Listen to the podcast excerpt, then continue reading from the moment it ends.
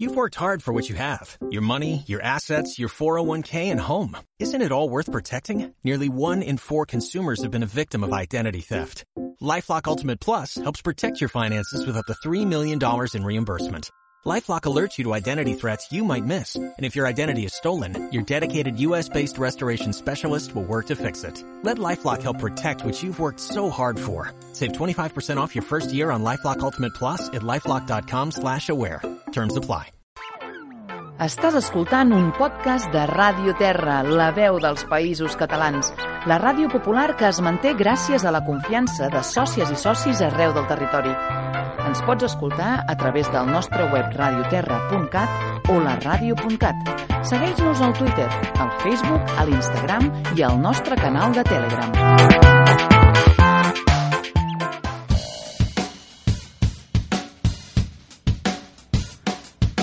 Economia crítica, denominació d'origen de qualitat TAIFA.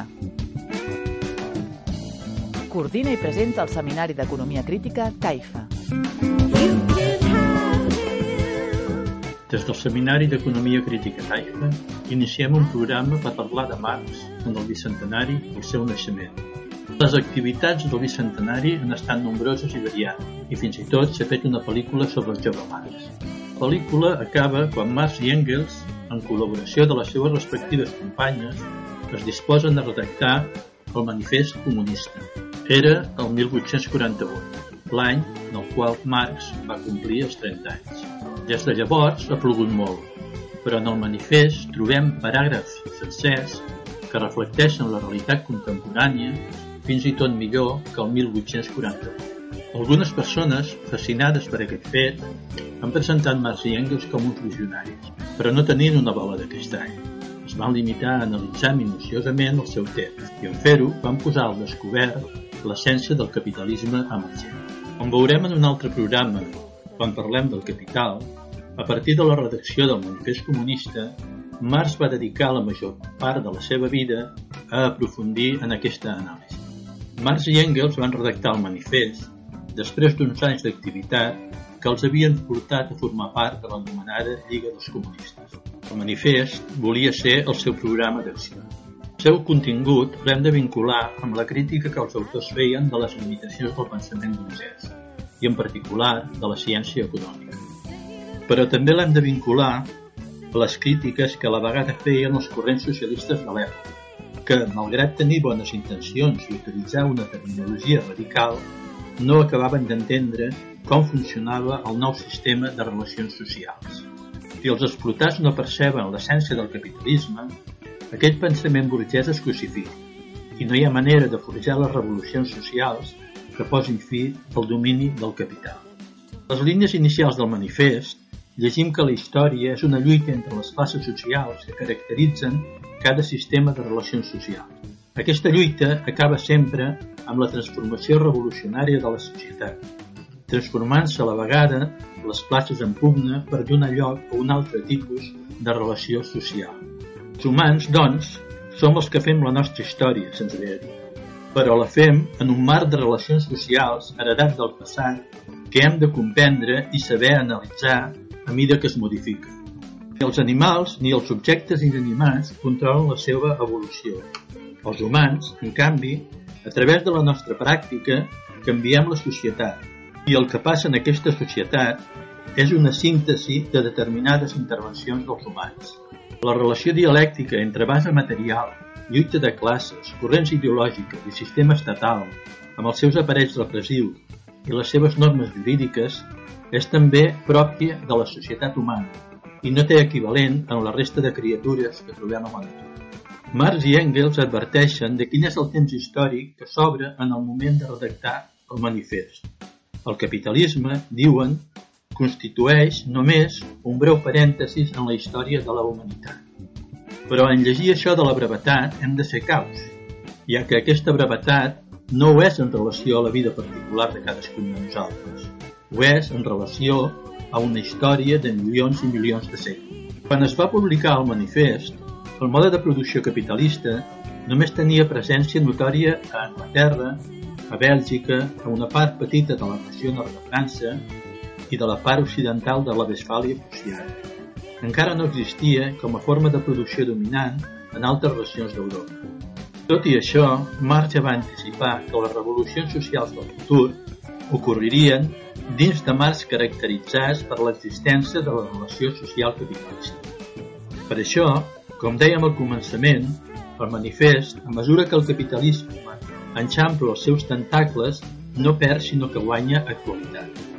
El manifest alerta dels grans increments de productivitat que propicia el mode de producció capitalista i anticipa que el capitalisme donarà lloc a un nou sistema econòmic mundial. La burgesia diu amb la millora ràpida de tots els instruments de producció, amb un perfeccionament infinit de les comunicacions, també arrossega totes les nacions, les bàrbares incloses, cap a la civilització.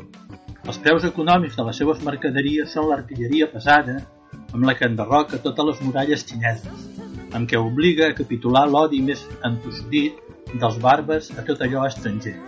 Obliga totes les nacions a adoptar les formes de producció burgesa si no volen arruïnar-se les obliga a introduir en el seu si l'anomenada civilització, és a dir, les obliga a fer-se burgeses. En un mot, crea un món a imatge i semblança seu. El manifest denuncia les nefastes conseqüències que per al proletariat té el règim social capitalista. Considera a la vegada la necessitat de constituir el proletariat en classe, derrocant el poder burgès i conquerint el poder polític.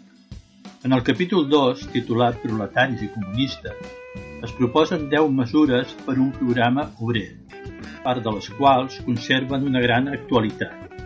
Entre altres propostes trobem l'expropiació de la propietat territorial, un sistema impositiu progressiu, la centralització del crèdit en mans de l'Estat a través d'una banca nacional, posar en mans de l'Estat tots els mitjans de transport, multiplicar les empreses estatalitzades i municipalitzades, combinar l'agricultura i la indústria. Un fantasma recorre Europa, el fantasma del comunisme, es diu en les primeres línies del manifest comunista.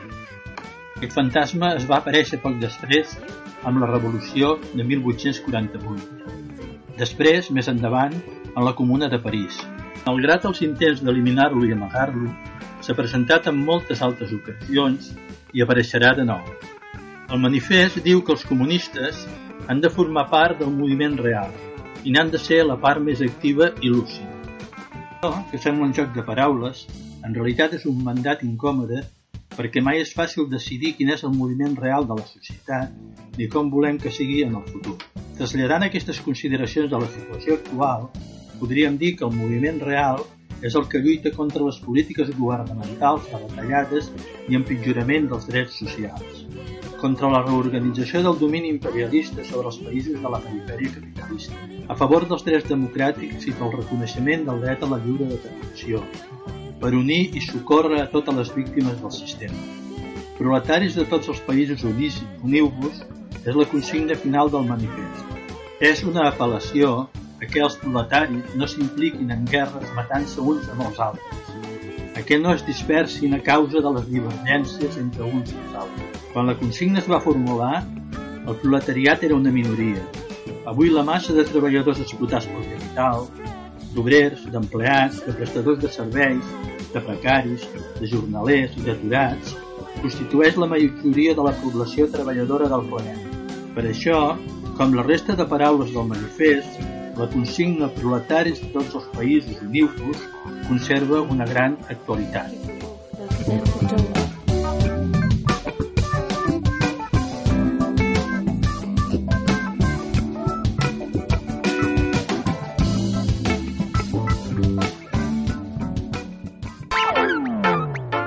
Has escoltat un podcast de Ràdio Terra, la veu dels països catalans.